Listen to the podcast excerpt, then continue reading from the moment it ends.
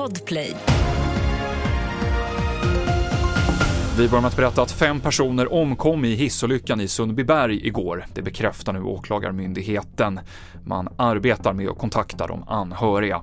Hissen rasade från hög höjd på en byggarbetsplats och vad som orsakade olyckan är oklart.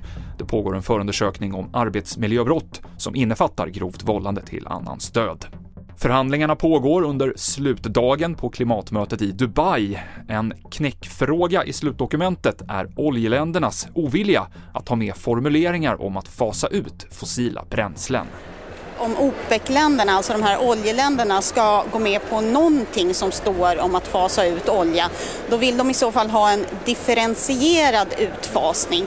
Och det betyder att de rika länderna ska fasa ut betydligt mer än de fattiga länderna. Men det absurda här är att länder som Saudiarabien, där de flesta fortfarande har hembiträden och privatchaufförer vill räkna sig som ett fattigt land och alltså inte behöva fasa ut sin olja. Berättade vår reporter Anneli Megner Arn. Och nu så åtalas mannen från dokumentärserien Den svenska Tinderbedragaren. Han ska ha försökt utpressa en kvinna och hennes pappa i Falu kommun att betala 150 000 kronor. Tinderbedragaren ska ha lurat flera kvinnor i Dalarna på stora summor pengar. Fler nyheter finns på tv4.se.